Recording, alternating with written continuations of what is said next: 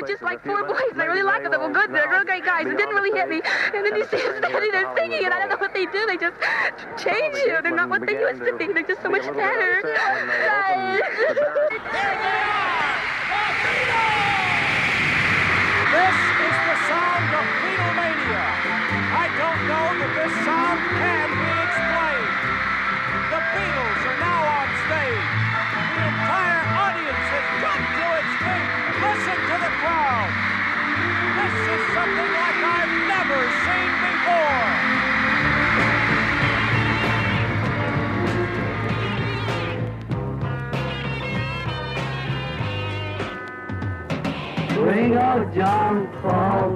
מסע הקסם המסתורי, סיפורה של להקת החיפושיות. מסע הקסם המסתורי, סדרת תוכניות בעריכת יואב קוטנר. והיום הפרק השישה עשר, חיפושיות למכירה.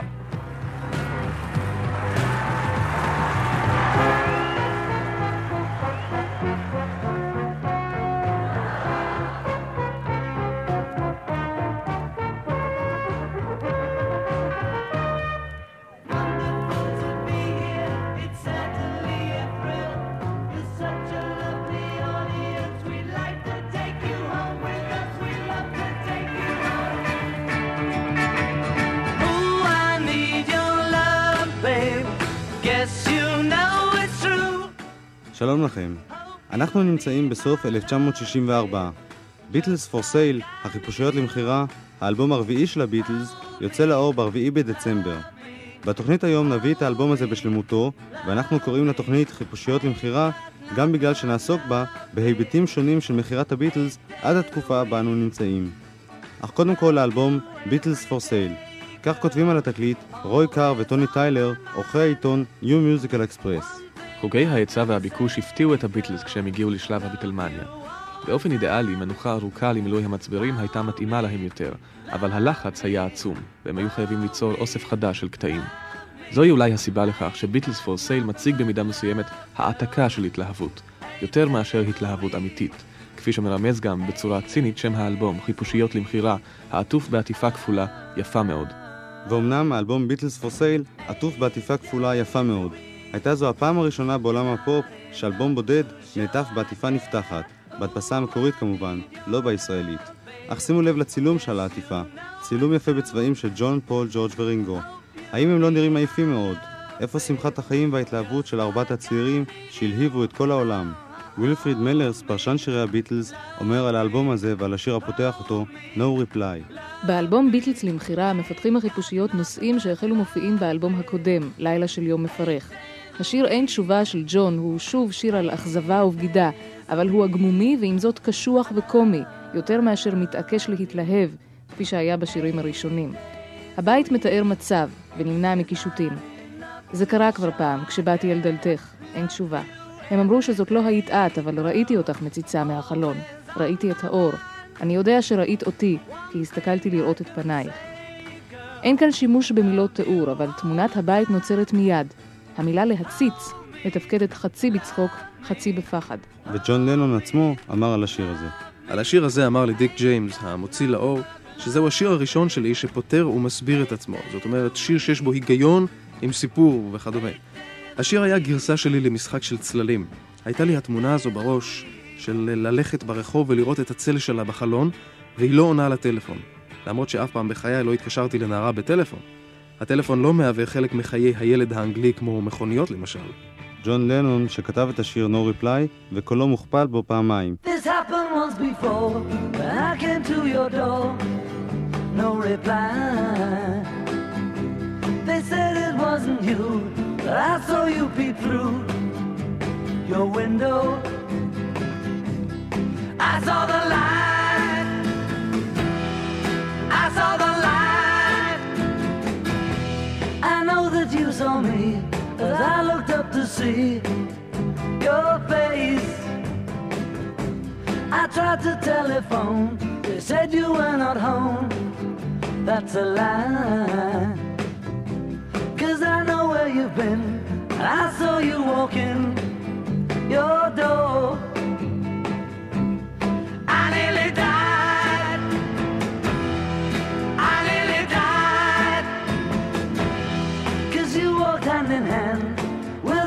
another man in my place.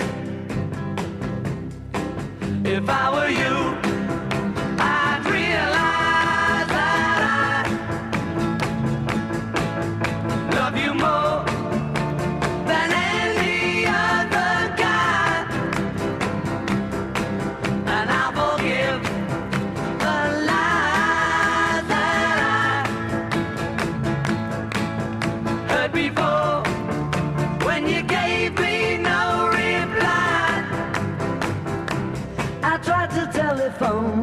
Said you were not home.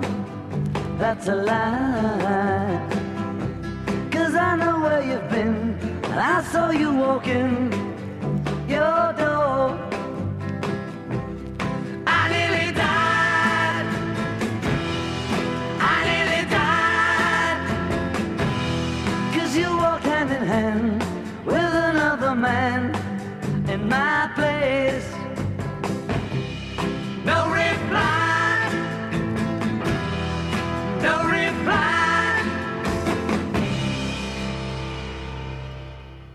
No Reply, אין תשובה, השיר הפותח את האלבום Beatles for Sale.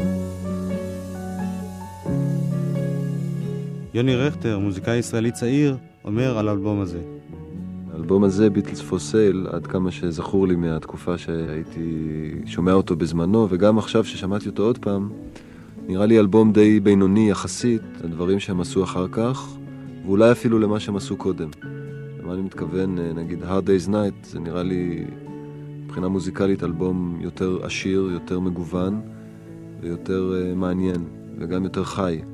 זה אלבום שהוא גם אוסף של שירים שלא כולם שלהם, ולמרות זאת, עכשיו אני מגיע לבעד, למרות כל זאת זה אלבום עם המשהו המיוחד הזה של הביטלס, עם הצבע המיוחד שלהם, ומה שאותי במיוחד אה, ככה היום הרשים, שאני שומע את זה בראש אחר, אה, זה התמימות של המלודיות. הביטלס תמיד הם היו מאוד מלודיים, אבל לא משעממים, לא מתוקים. היה להם תמיד את המלודיה המעניינת, ופה המלודיות הן מאוד תמימות, מאוד uh, ילדותיות אפילו לפעמים, במובן הטוב של המילה. 8 days a week, למשל. דה דה דה דה דה דה דה דה דה דה יש בזה משהו תמים כזה. או אה, When I'm walking beside her, דה דה דה דה דה דה דה זה גם נשמע לי הכל כזה ישר בקצב, ונורא בלי הרבה התחכמויות כאילו. אתה מרגיש שזה יצא להם באופן הכי טבעי, ופשוט הם הלכו והקליטו את זה.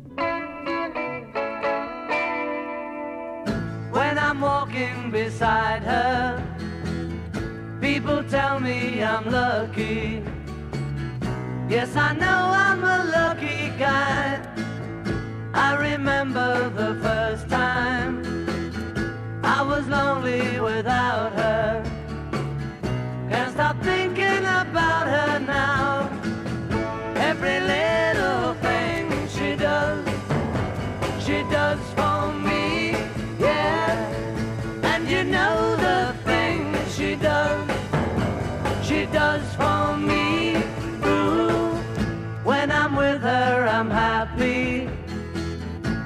to know that she loves me. Yes, I know that she loves me now. There is one thing I'm sure of. I will love her forever. For I know love will never die. Every little thing she does, she does for me, she does, she does for me. Ooh.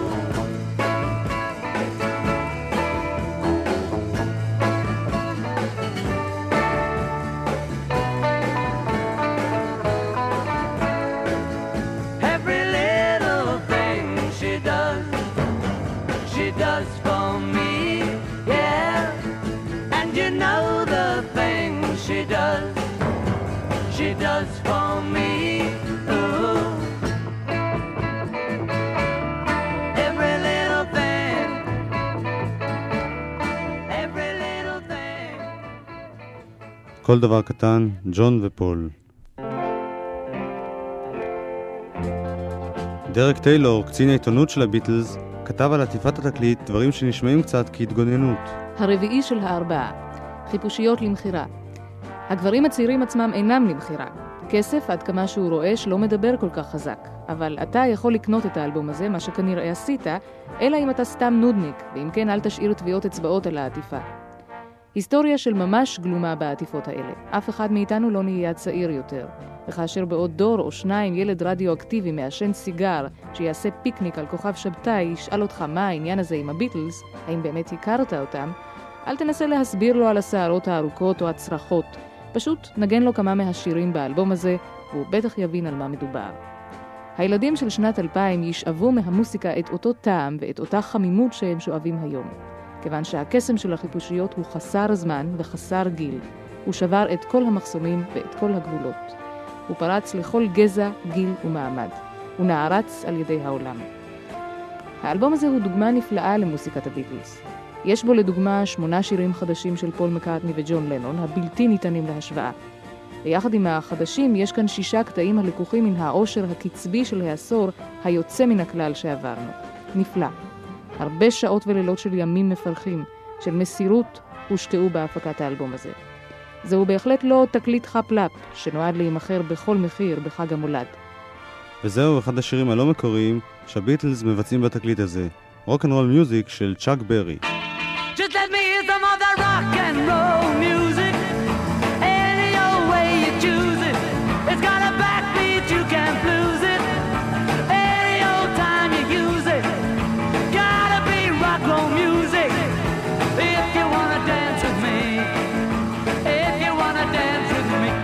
kick against modern jazz. Unless you try to play it too down fast. I lose the beauty of the melody. Until it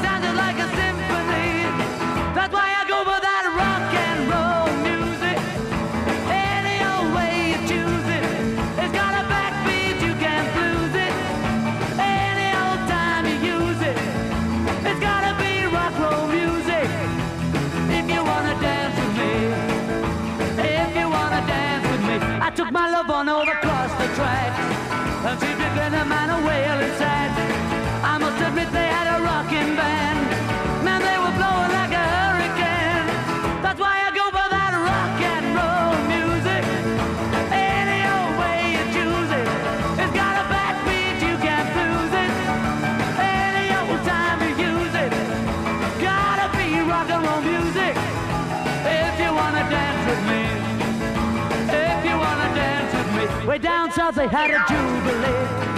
Them Georgia folks, they had a jamboree. They're drinking homebrew from a wooden.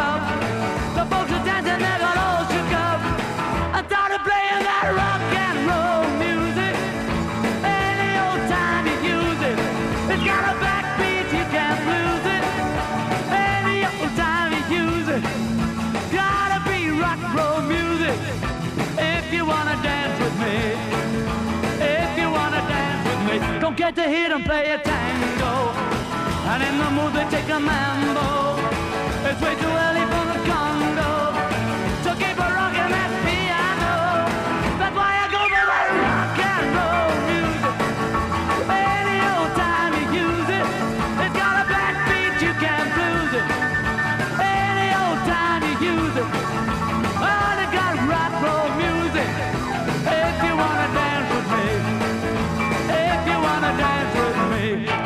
Rock and Roll Music, ג'ון, פול וג'ורג' מרטין מנגנים ביחד על פסנתר אחד. גם השיר הבא הוא רוק אנד רול אמריקני, Mr. Moonlight. פול מנגן באורגן המונד, ג'ורג' בתוף אפריקני. ג'ון לנון, סולן.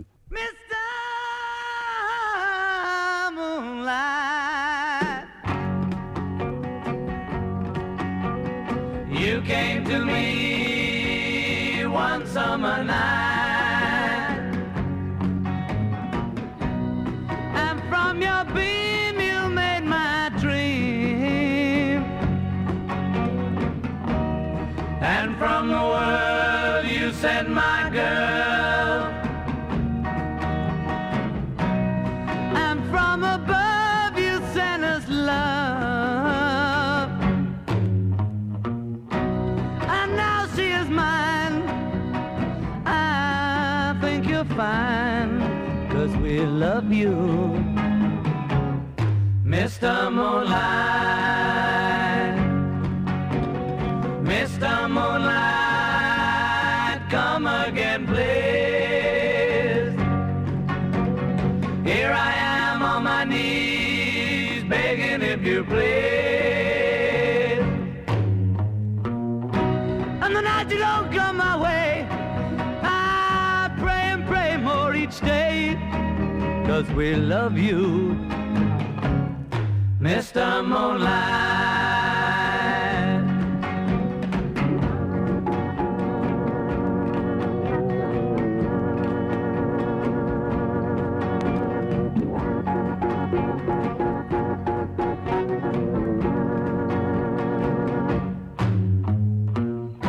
On the night you don't come my way, oh, I pray and pray more each day, cause we love you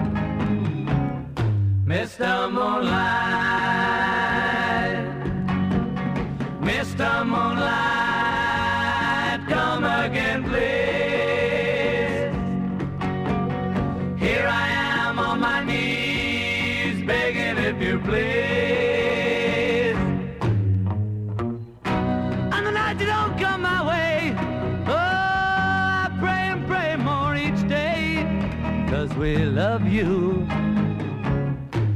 Mr. Moonlight, Mr. Moonlight, Mr. Moonlight. Mr. Moonlight. גם השיר הבא הוא שיר לא מקורי של הביטלס, רוקנרול אמריקאי של לייבר וסטולר. הפעם פול מקארטני צורח.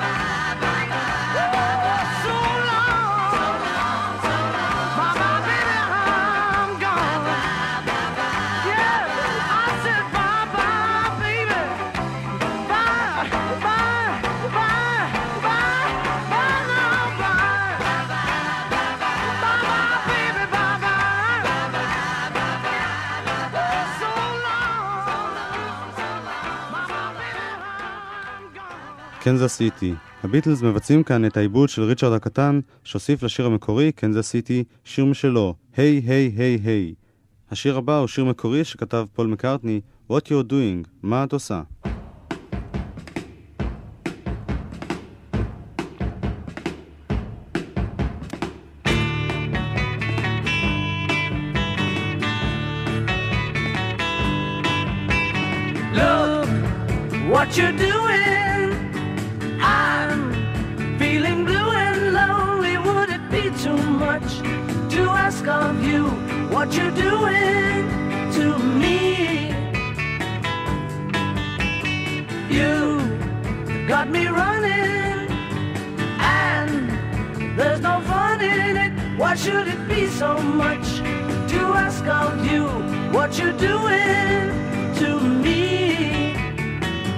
I've been waiting here for you, wondering what you're gonna do.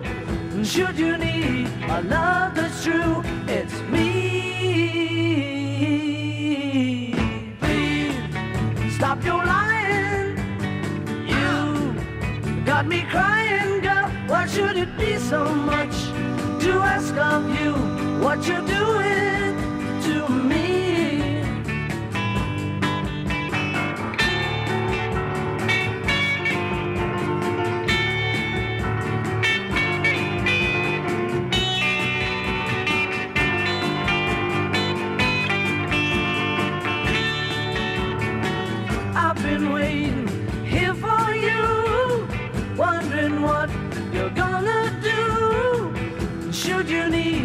love that's true, it's me. Please stop your lying. You got me crying, girl. Why should it be so much to ask of you what you're doing to me? What you're doing to me? What you're doing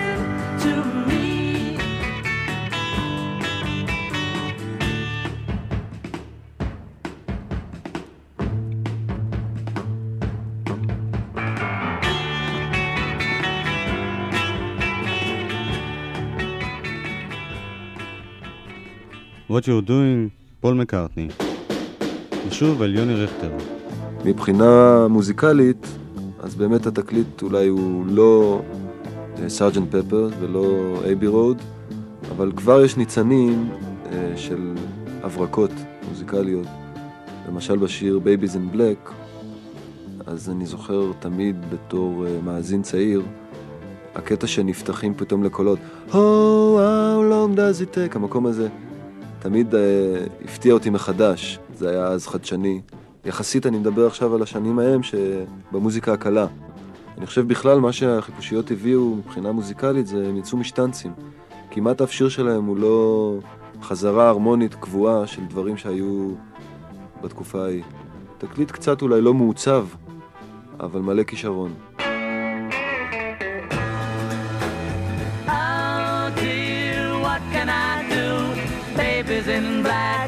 I'm feeling blue. Tell me, oh, what can I do? She thinks of him, and so she dresses in black. And though he'll never come back, she's dressed in black. Oh dear, what can I do? Baby's in black and I'm feeling blue. Tell me, oh, what can I do?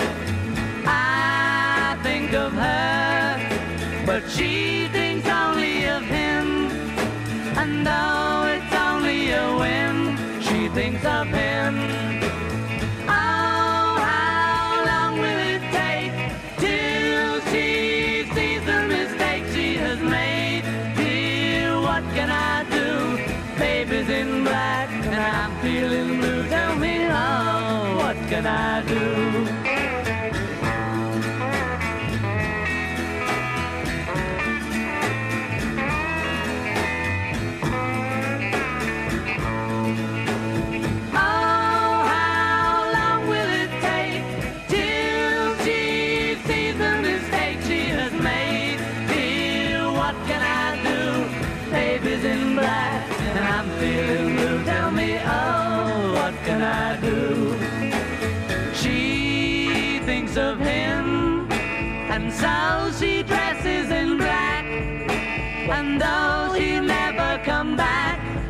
Dressed in black.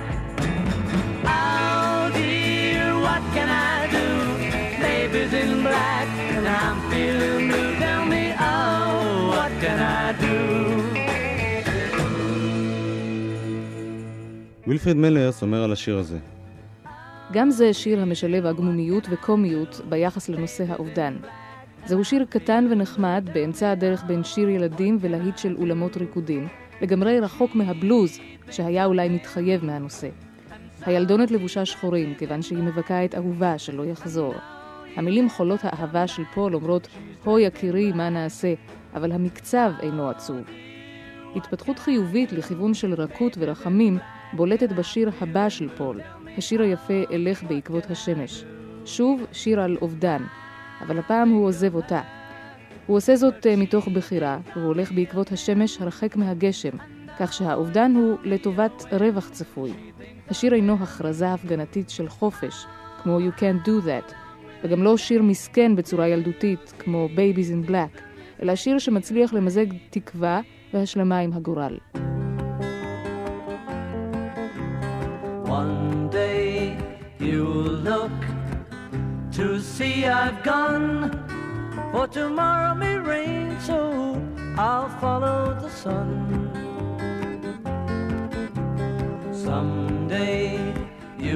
Know I was the one, but tomorrow may rain, so I'll follow the sun.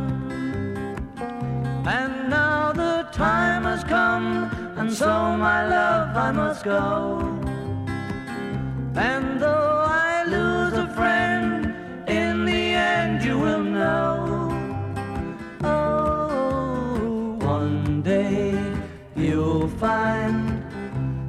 I have gone, but tomorrow may rain, so I'll follow the sun.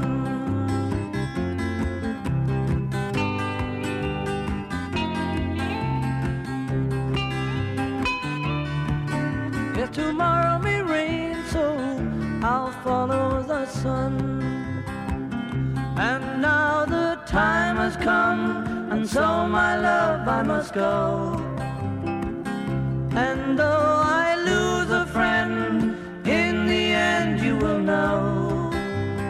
Oh, one day you'll find that I have gone, but tomorrow may rain, so I'll follow the sun.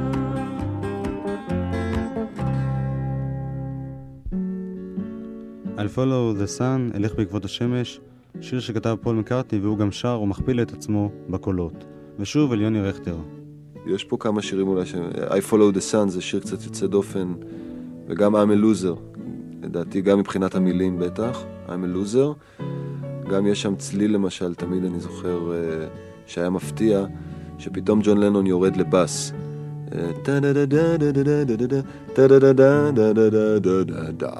זה היה הפתעה. בזמנו זה היה נראה לי די חדשני אפילו, שפתאום שיר רגיל ופתאום הוא יורד לציל כל כך נמוך. האם אתה מרגיש כבר הבדל בסגנון ההלחנה בין ג'ון ופול? הנה, אם לוקחים I'm a loser לעומת I follow the sun, אז זה כבר מראה לנו כל אחד איזה כיוון הוא הלך, שלימים יגידו, אה, כל אחד יתפתח בכיוון שלו. בייחוד המילים, אני יודע שכשקראתי נגיד אה, רעיונות עם ג'ון לנון, אז תמיד הוא מציין את השיר הזה כאחד השירים שהוא אוהב, וגם איזה מין מוטו כזה לגבי עצמו. I'm a loser. I'm a loser. And I'm not what I appear to be. Of all the love I have won or have lost, there is one love I should never have crossed. She was a girl in a million, my friend. I should have known she would win in the end. I'm a loser, and I lost someone who's near to me. I'm a loser, and I'm not what I appear to be. Although I laugh and I act like a clown, beneath this mask I am wearing a frown. My tears are falling like rain from the sky. Is it for her or myself that I cry? I'm a loser, and I lost someone who's near to me. I'm a loser, and I'm not what I appear to be.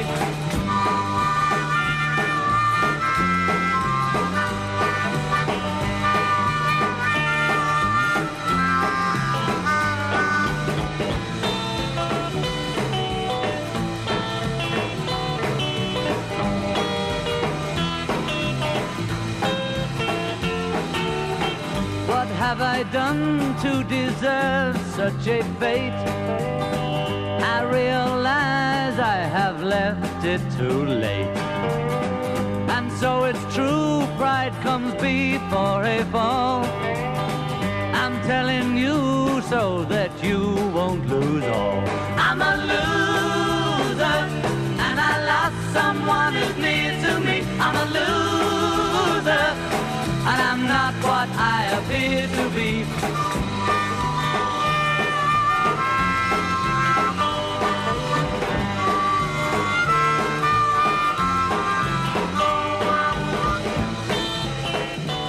I'm a loser, אני מפסידן של ג'ון לנון.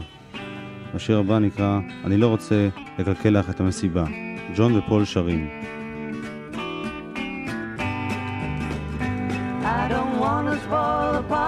So I'll go. I would hate my disappointment to show. There's nothing for me here, so I will disappear. If she turns up while I'm gone, please let me know. I've had a drink or two and I don't care. There's no fun in what I do when she's not there. I wonder what went wrong. Waited far too long. I think I'll take a walk and look for her. Though tonight she's made me sad, I still love her. If I find her, I'll be glad. I still love her. I don't wanna spoil the party, so I'll go. Would hate my disappointment to show. There's nothing for me here, so I will disappear. If she turns up while I'm gone, please let me know.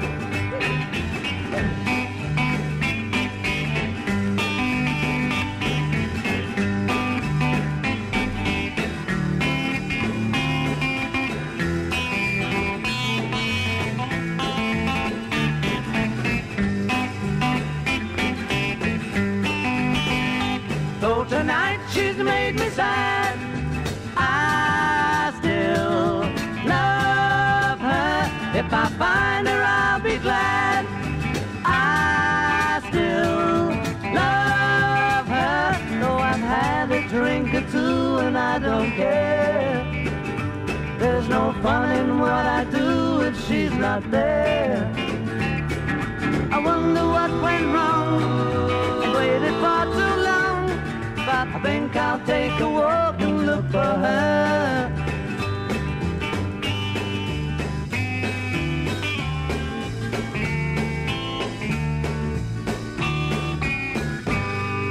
I don't want to spoil the party, ג'ון ופול שרים.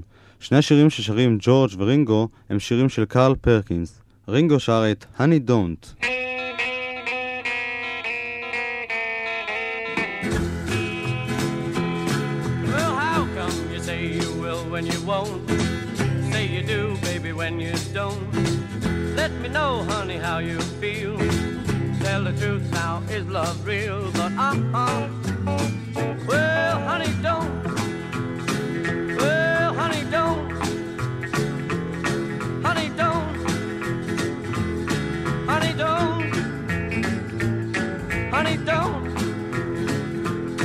I say you will when you won't, uh-uh, honey, don't. Well, I love you, baby, and you ought to know. I like the way that you wear your clothes. Everything about you is so doggone sweet. You got that sand all over your feet, but uh-uh. Well, honey, don't. Honey, don't. Honey, don't. Honey, don't. Honey, don't. I say you will when you won't. Uh-uh, honey, don't. Ah, rock on, George, one time for me.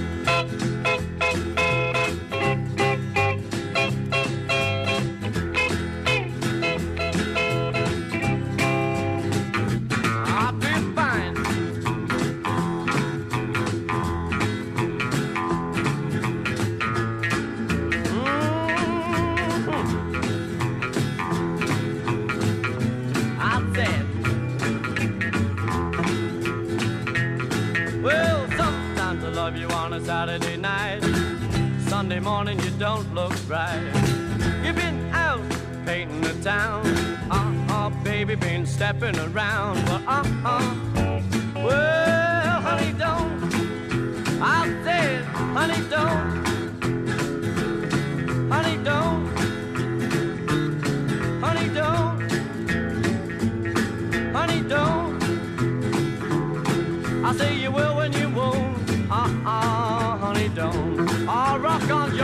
Bingo one time.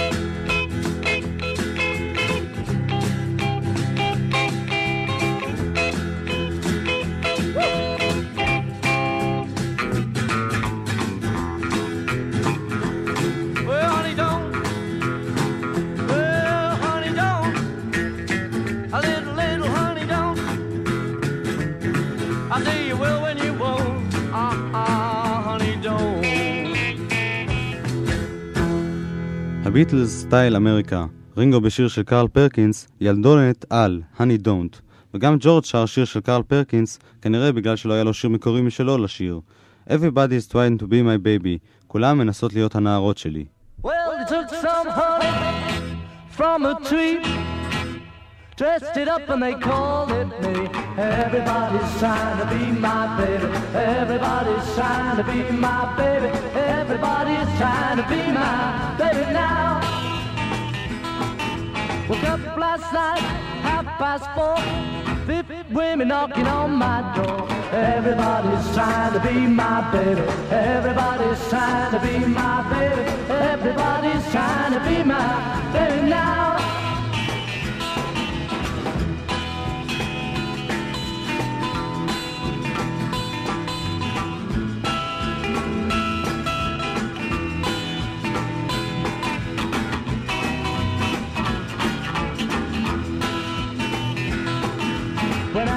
Last night, I didn't say late. Oh, For the home had a 19 date. Everybody's trying to be my baby. Everybody's trying to be my baby. Everybody's trying to be my baby now.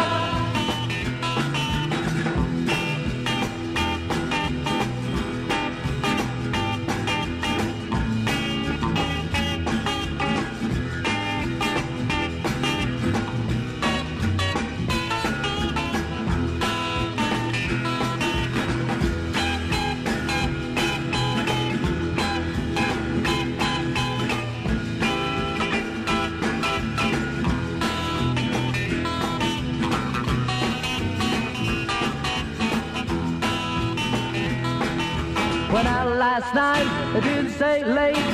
For a home had a 19 dates. Everybody's trying to be my baby. Everybody's trying to be my baby.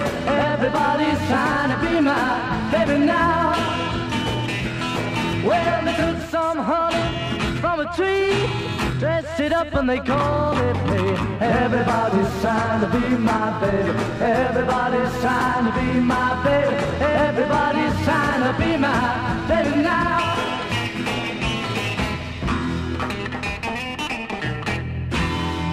ג'ורג' אריסון בשיר של קרל פרקינס, וגם השיר הבא הוא של אליל רוקנרול אמריקני, באדי הולי, ג'ון ופול שרים את Words of Love.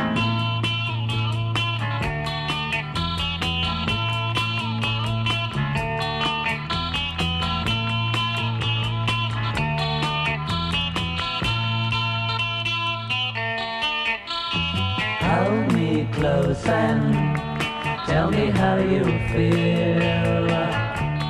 Tell me love is real. Mm.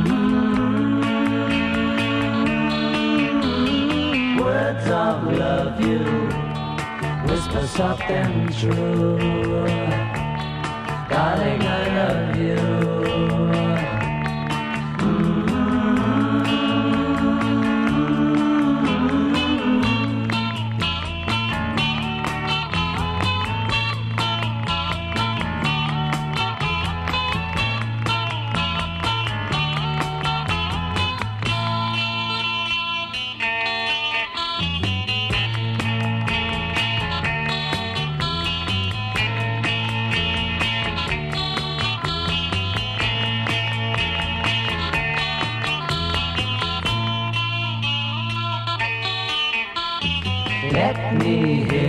Say the words I long to hear. Darling, when you're near. Mm, Words of love you whisper soft and true. Darling, I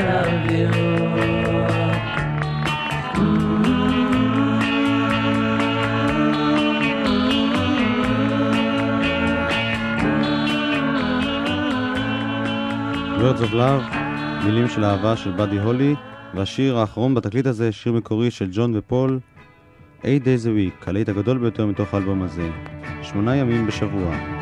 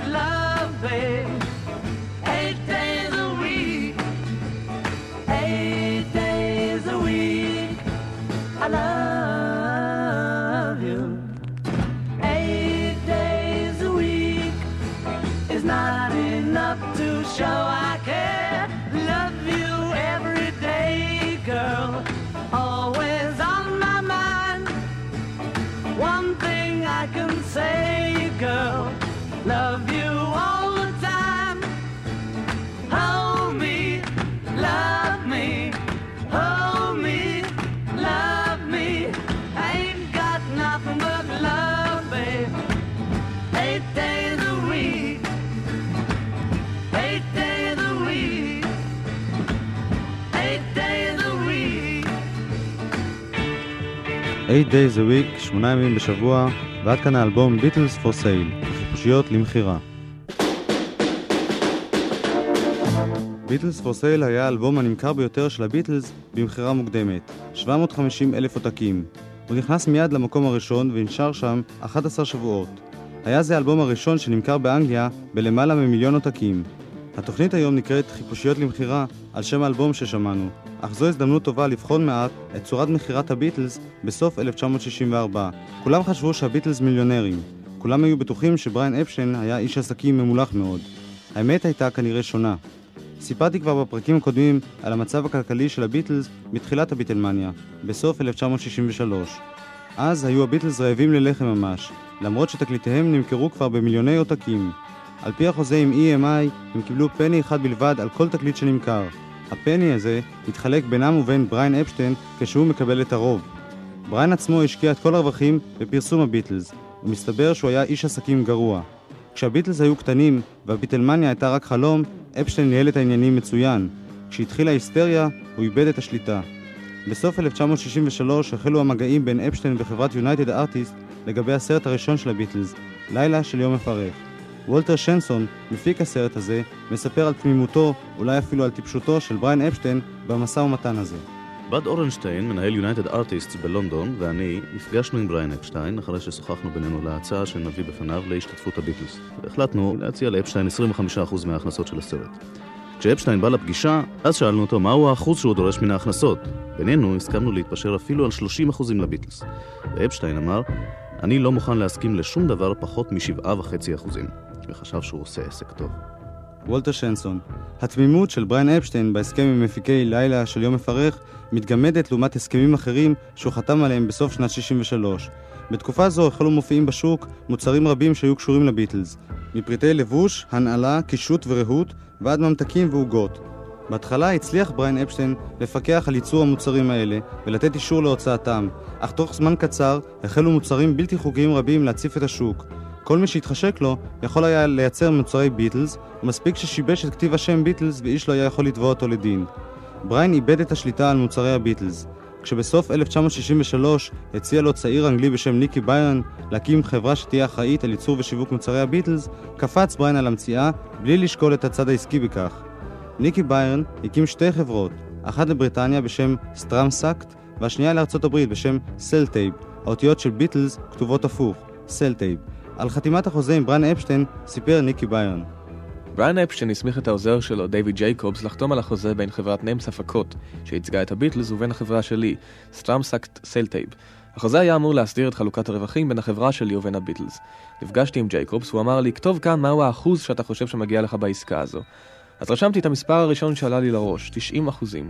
להפתעתי דייוויד ג'ייקובס ובריין אפשטיין אפילו לא ניסו להתווכח איתי. הם חתמו על החוזה מיד. נראה להם הגיוני שאנחנו נקבל 90% והביטלס רק 10%. ג'ייקובס אפילו אמר, טוב, 10% זה יותר טוב מכלום. בריין אפשטיין הסכים לחוזה המגוחך הזה ערב הצלחת הביטלס בארצות הברית, והפסיד בכך עשרות מיליוני דולרים. רק בשנה הראשונה לבוא הביטלס לארצות הברית, ב-1964, פרסם השבועון וול סטריט ג'ורנל הערכה זהירה שסכום הרווחים מסחורות הקשורות לביטלס מגיע לחמישה מיליון דולר. הביטלס עצמם לא כל כך ידעו מה קורה בענייני הכספים. כששאלו אותם בארצות הברית האם אתם מיליונרים, הם השיבו בחיוך מה. No, that's another lousy rumor. I wish it were. Brian not a millionaire. no, even he's not one, poor fellow. Where does all the money go? Well, a lot of it goes to Her Majesty. She's a millionaire. זו סתם שמועה שאנחנו מיליונרים, עונה ג'ון. האם בריין אפשטיין מיליונר? לא, גם זו שמועה. לאיפה הולך כל הכסף אם כן? הכסף הולך להר מג'סטי, למלכה. היא מיליונרית, מוסיף ג'ורג'. ושנים אחדות לאחר פירוק הביטלס, מגיב ג'ון על אותו נושא בקצת פחות הומור. You see, we earn millions and millions of money, but I must tell you that the Beatles got very little of it. We've all got houses, but uh, it's usually uh, we've managed to pay for them finally now after all these years. And there's millions earned, but we never got it, you know. הרווחנו מיליונים רבים, אבל הביטלס קיבלו מעט מאוד מזה. לכולנו יש בתים, אבל אה, הצלחנו לגמור לשלם עבורם רק עכשיו, אחרי כל השנים האלה. היו מיליוני לירות רווחים, אבל אנחנו לא קיבלנו אותם. Well, you know, there's lots of big companies in London with uh, various names. You just have to check them out and their connection with the Beatles, and you see where the money's gone. And in America too, everybody connected with us is millionaires except for the Beatles. They used to tell Paul and I we are millionaires. We never have been. יש הרבה חברות גדולות בלונדון עם שמות שונים, אתה צריך רק לברר את הקשר שיש להם עם הביטלס, ותדע לאן הלך כל הכסף. וגם באמריקה, כל מי שהיה קשור אלינו הפך למיליונר, חוץ מאיתנו. תמיד אומרים שאני ופול מיליונרים, אנחנו לא. Brian was a, a beautiful guy, Brian Epstein, and he was a, an intuitive, theatrical guy, and he knew we had something. He presented us well, but he had lousy business advice. Not to say that somebody was crooking him particularly, but he got lousy advice. and everything taken advantage of. We all were, Brian included, you know, and none of us got, got it. אף פעם לא היינו מיליונרים, ולג'ורג' ורינגו היה עוד פחות מלפול ולי. בריאן היה בחור יפה, בריאן אפשטיין. הוא היה בעל אינטואיציות, והוא ידע שיש בנו משהו, והוא ייצג אותנו בסדר. אבל היה לו חוש מסחרי גרוע. אני לא אומר שמישהו היה מושחת, אבל הוא קיבל עצות מסחריות גרועות. ניצלו אותו, ניצלו את כולנו. גם את בריאן, ואף אחד לא קיבל.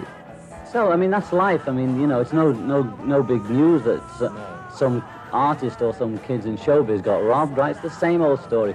The attitude is, uh, if they have money, they won't work. That's the old adage in show business. If you give the kids money or the, the star or the, whoever he is money, he won't work. That's not true. If you give an artist money, he's secure and he can work. It's the worrying about money and wh- whether he's going to have to. Uh, my big worry always was, I know we've earned it, but where's it gone? I've got to pay the tax someday. I, they won't. It's no good me saying, well, I never got it. Uh, the books say that it came to the Beatles, you know, or something like that, and we are going to have to pay tax the rest of our lives. And that was my big worry. So it's no big news, though. We were robbed, so, you know, it's old hat stuff. אלה הם החיים. זו לא חדשה גדולה שאומנים לא מתעשרים. הגישה היא שאם יש להם כסף, הם לא יעבדו. זו הגישה הישנה בעסקי השעשועים. אם תיתן לילדים כסף, אם תיתן לכוכב כסף, הוא לא יעבוד. זה לא נכון. אם תיתן לאמן כסף, הוא ירגיש ביטחון והוא יעבוד. דווקא החששות בגלל חוסר כסף הן שליליות. החשש שלי היה תמיד שיום אחד אני אצטרך לשלם את המיסים על כל הרווחים. לפי הספרים הביטלס הרוויחו, ולא יעזור לי שאני אגיד שלא קיבלתי כלום מזה. חששתי שאני אצטרך לשלם מיסים כל שארית חיי. שדדו אותנו, אין בזה שום חידוש. אני רק אומר את זה כדי להזהיר ילדים שנכנסים לביזנס, אל תחתמו על שום דבר, אלא אם כן עורך הדין הוא אחיכם. I just warn any kids coming in the business, don't sign anything. Unless the lawyer's your brother. ג'ון לנון, האמת על המצב הכספי של הביטלס. ועד כאן התוכנית ביטלס פור סייל, החיפושיות למכירה.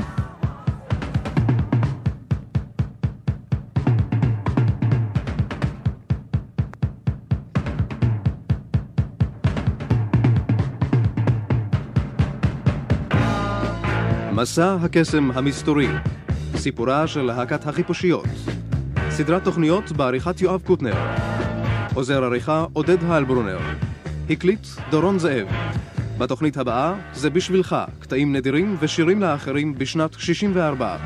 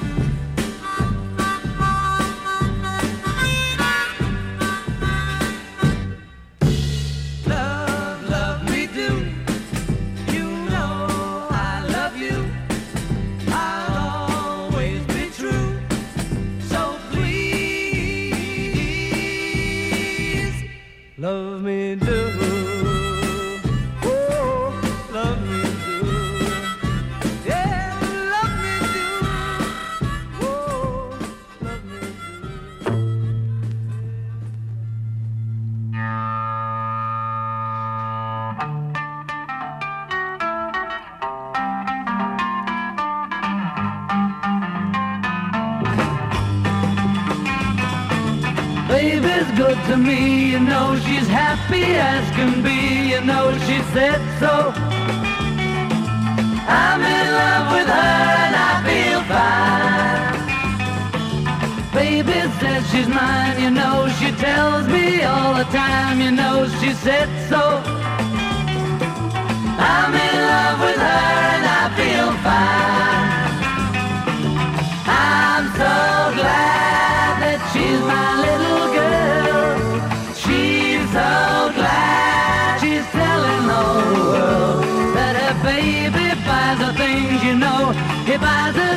Diamond rings, you know. She said so.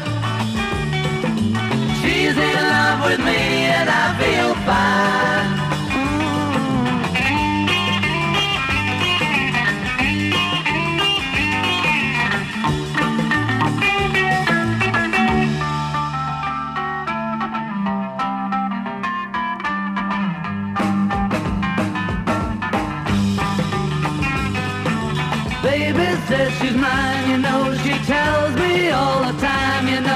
Said so. I'm in love with her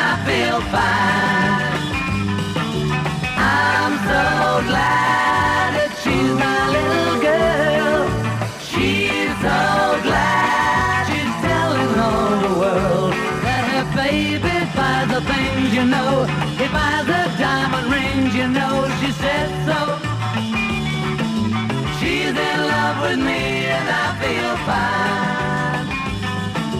She's in love with me and I feel fine.